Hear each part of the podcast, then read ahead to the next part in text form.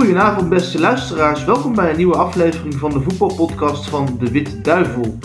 Het is het tweede weekend van de Champions Playoff en de twee zondagswedstrijden hebben niet het aantal doelpunten opgeleverd waarop de neutrale toeschouwer had gehoopt.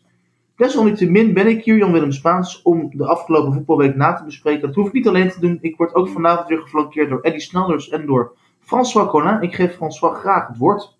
Dankjewel Jan-Willem. Uh, Eddie, uh, Champions Playoffs zonder doelpunten, niet meteen waar we op gehoopt hadden. Nee, je hoopt natuurlijk altijd wedstrijden te zien met doelpunten, hè, omdat dat toch altijd het, uh, het uh, ideale uh, gegeven is in een wedstrijd. Maar goed, het is nu niet gelukt. het is niet de eerste keer. Ook in de vorige wedstrijden werd er niet bijzonder veel gescoord, of ineens heel veel. Dus het ligt allemaal dicht bij elkaar. Dat is vandaag nog eens gebleken. En uh, we hebben wel wedstrijden gezien waar al wat, wel wat spankracht in zat, maar uh, ja, doelpunten, daar uh, hebben ze ons op niet op, op kunnen tracteren. Nee. Alles bij elkaar was Anderlecht Club Brugge toch interessanter om naar te kijken dan Antwerp Union. Ja, dat alle twee wel iets natuurlijk, hè, maar bij Anderlecht Club Brugge hebben we wel natuurlijk veel doel, verschillende doelkansen gezien en ook doelman in actie gezien, want als je de twee eh, elftallen in ogenschouw neemt en je moet uitblinkers noemen, ja, dan moet je bij de, beide kanten ook de doelmannen wel vernoemen. Dat wil zeggen dat er kansen zijn geweest, dat er uh, acties zijn geweest, um, die wel niet tot een doelpunt geleid hebben, maar die een, uh, een doelman in een uitblinkersrol hebben kunnen plaatsen. En dat is leuk. In de andere wedstrijd, uh, ja, waar er veel minder doelkansen, was het meer een een duelwedstrijd, een, een wedstrijd waar, dat, uh, waar dat, uh, de intensiteit hoog lag, maar waar dat het aantal kansen vrij beperkt was natuurlijk. En de kansen die er waren, die moesten dan nog niet ongedaan gemaakt, meestal niet ongedaan gemaakt worden door de doelman op zich. Dus daar zat iets minder, iets minder noemen we het, ja, suspense in. Laat ons beginnen met Anderlecht Club Brugge. De club begon geweldig. Het eerste half uur was indrukwekkend. Anderlecht wist niet waar eerst blussen. Um, en dan valt Rits uit. Ik weet niet of dat, dat er iets mee te maken heeft, maar plots kantelde de wedstrijd. Ja, het was heel merkwaardig, inderdaad. Het eerste half uur, eh, ja goed, uh, ze moeten een penalty krijgen in de eerste minuut. Uh, dat ze niet krijgen, Club Brugge, met een duidelijke duwfout. Dus waar is de VAR? Waar is de verantwoordelijkheid van die mensen daar in het busje? Uh, en achteraf uh, Noah Lang, die nog een hele goede kans krijgt, dat goed wordt gepareerd door Van Krombrugge, maar eigenlijk een doelpunt dat moeten opleveren. En dan denk ik op dat moment van, oei, Anderlecht is onbestaande, het zitten echt te kreunen op het veld. Uh, ze geraken niet over de middellijn, moeten veel fouten maken, moeten een spel spelen dat niet het hunne is, want ze moeten in de wedstrijd komen, dus ze moet veel, meer agressiviteit aan de dag leggen. Ze moeten dingen gaan doen die ze niet gewend zijn. Dus op dat moment denk je van, ja, Anderlecht hier na twee mindere wedstrijden wordt opnieuw naar de slagbank geleid. En dan inderdaad, eh, is het de samenloop van omstandigheden, is het een momentum dat uh, toevallig samenvalt, maar ik heb er mijn bedenkingen bij. Eh, Rits die gekwetst geraakt en je ziet Club Brugge geleidelijk aan, want zijn invaller was Vormer.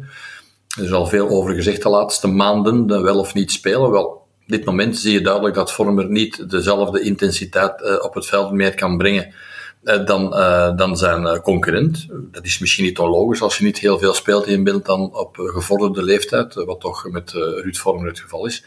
Ja, zie je toch ook Brugge in zijn geheel eigenlijk uit die wedstrijd verdwijnen, terwijl dat het ervoor snel en snedig was, regelmatig infiltreerde langs de flanken. Met Buchanan en Olsen twee spelers dat die zich toch lieten opmerken in die beginfase. Die verdwenen helemaal uit de wedstrijd. Uh, de ketelaar verdwenen uit de wedstrijd. Van Aken is eigenlijk nooit in de wedstrijd geweest. En ook Vormer op zich heeft zich niet kunnen, uh, kunnen manifesteren uh, in de minuten die je daar speelde. En het is dus ja, een samenloop van omstandigheden, maar we moeten alleen maar constateren dat Rits viel eruit met een knieprobleem. En Brugge werd veel minder en dat hebben ze niet kunnen rechtzetten, ook niet in die tweede helft. Dus het is een uitlopend Brugge geweest dat niet vergelijkbaar was met, de, met het Brugge van de laatste maanden, dat alleen maar overwinningen aan elkaar reeg. Het was een Brugge dat uh, aarzelde, een Brugge dat weinig goede combinaties nog op de mat kreeg en dat eigenlijk, ja, ook wel een beetje, ik niet door het oog van de naald, maar toch wel via Mignolet ook nog, uh, ook nog ongeschonden eigenlijk uit deze wedstrijd is gekomen. En Anderlecht dat op mentaliteit terug in de wedstrijd uh, kwam, ja, dat uh, waren we in de vorige eeuw niet echt gewend van Anderlecht. Nee, zeker niet. Anderlecht staat normaal synoniem voor, uh, voor, uh, voor uh, technisch voetbal, door, van uit, uitgespeelde aanvallen en technisch vernuft.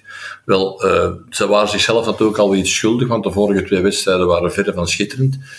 toen werd er wel links en rechts een gebrek aan inzet verweten en een gebrek aan, aan efficiëntie.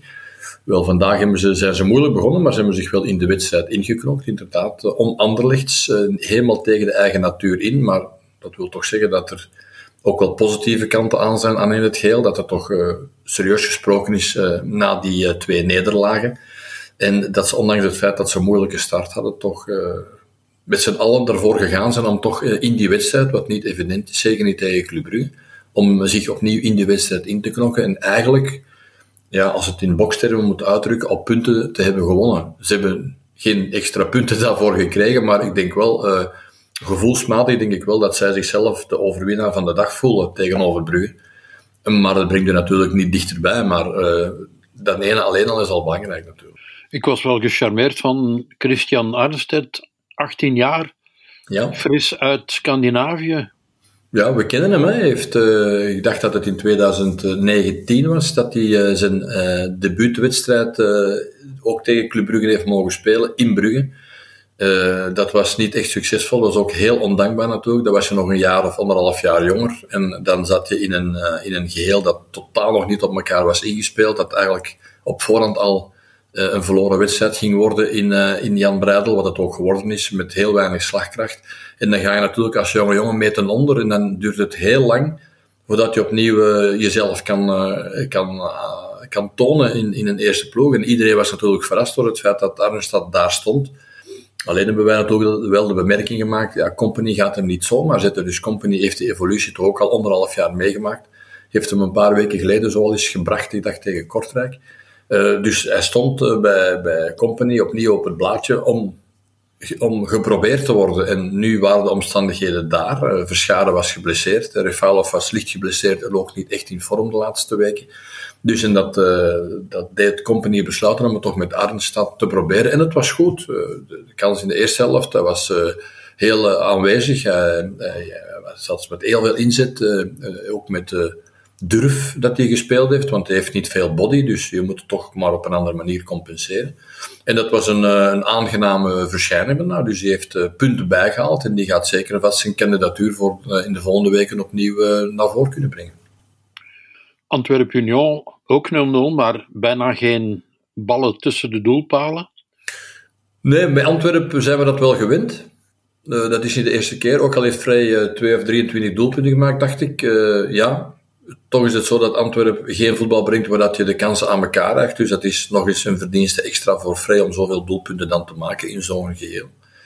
Maar van Union zijn we dat natuurlijk niet gewend. Hè? En in het begin kan je zeggen, ja, Union heeft twee keer, eh, zeker in de beginfase van elke spel, als problemen gehad eh, met Antwerpen. Omdat Antwerpen toch twee keer vrij enthousiast eh, in die wedstrijd gestart is. Zonder noemenswaardige kansen, maar wel met, met veel druk naar voren en met vooral een, een spel dat zich op de helft van Union afspeelde.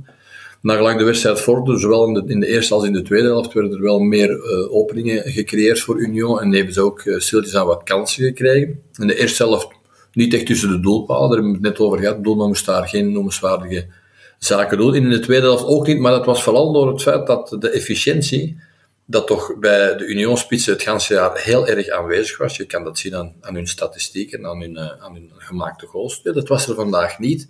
En eigenlijk achteraf bekeken over de ganse speeldag uh, overschouwd, is dat eigenlijk heel spijtig. Want nu kan je zeggen, ah, het, gaat dus niet uh, kleiner geworden, dus we hebben onze voorsprong kunnen consolideren. Ja, met een beetje scherpte van zowel Undaf als van Zair.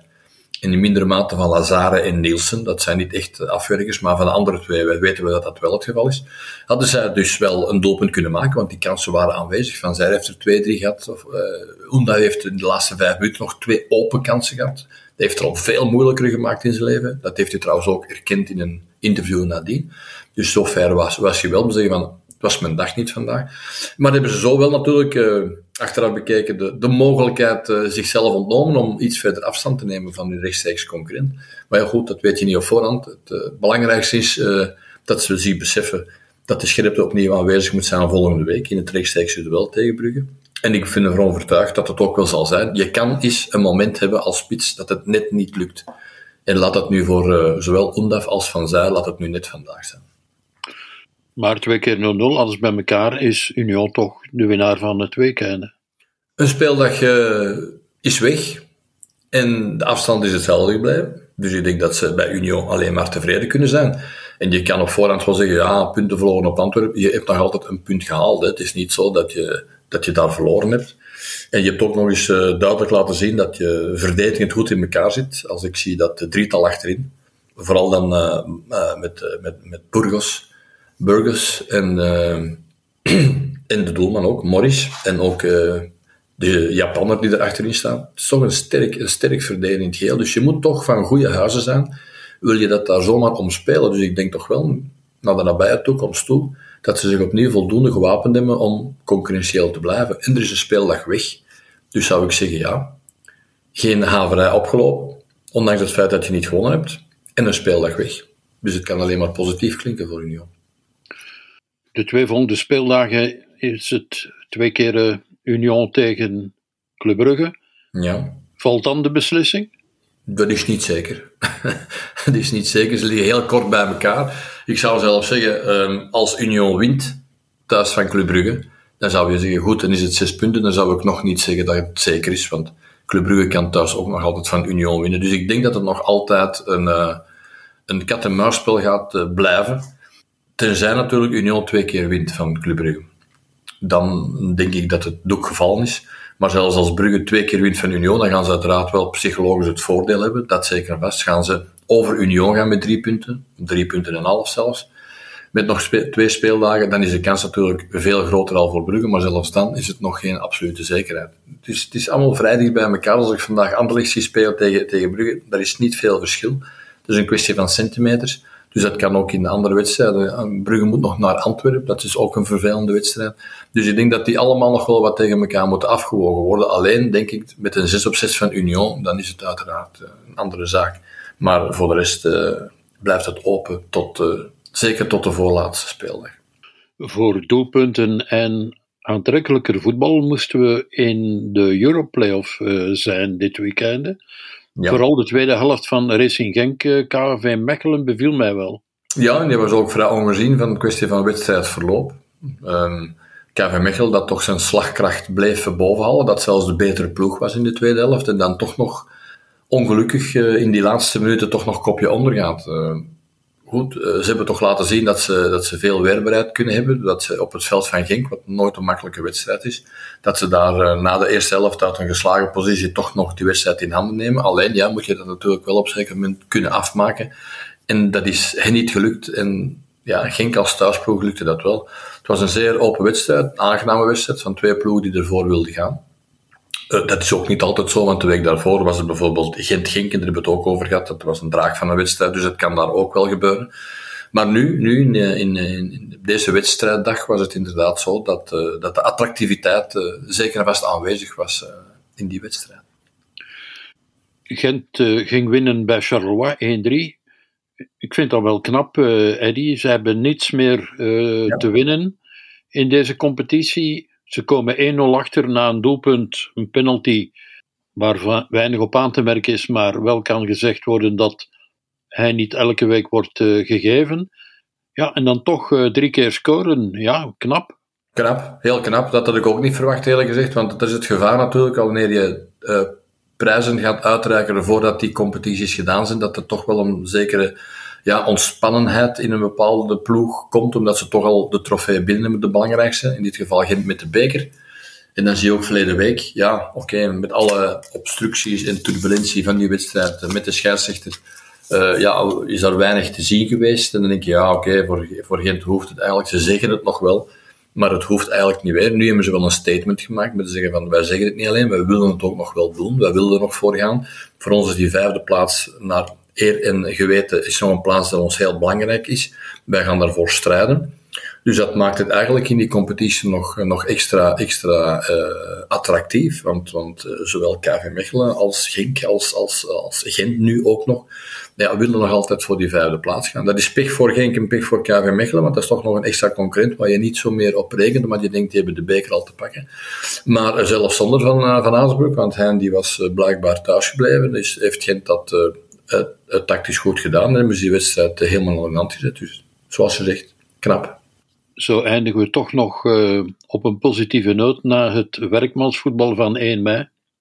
Ja, inderdaad. je mag de negatieve punten belichten, maar je mag zeker de positieve niet vergeten. Oké, dankjewel Eddy. Graag gedaan. Dank jullie wel, Eddy en François. Zo eindigen we deze dag van de arbeid toch nog met een lach. Ik hoop dat u ervan genoten heeft dat we u volgende week opnieuw mogen begroeten. Tot ziens.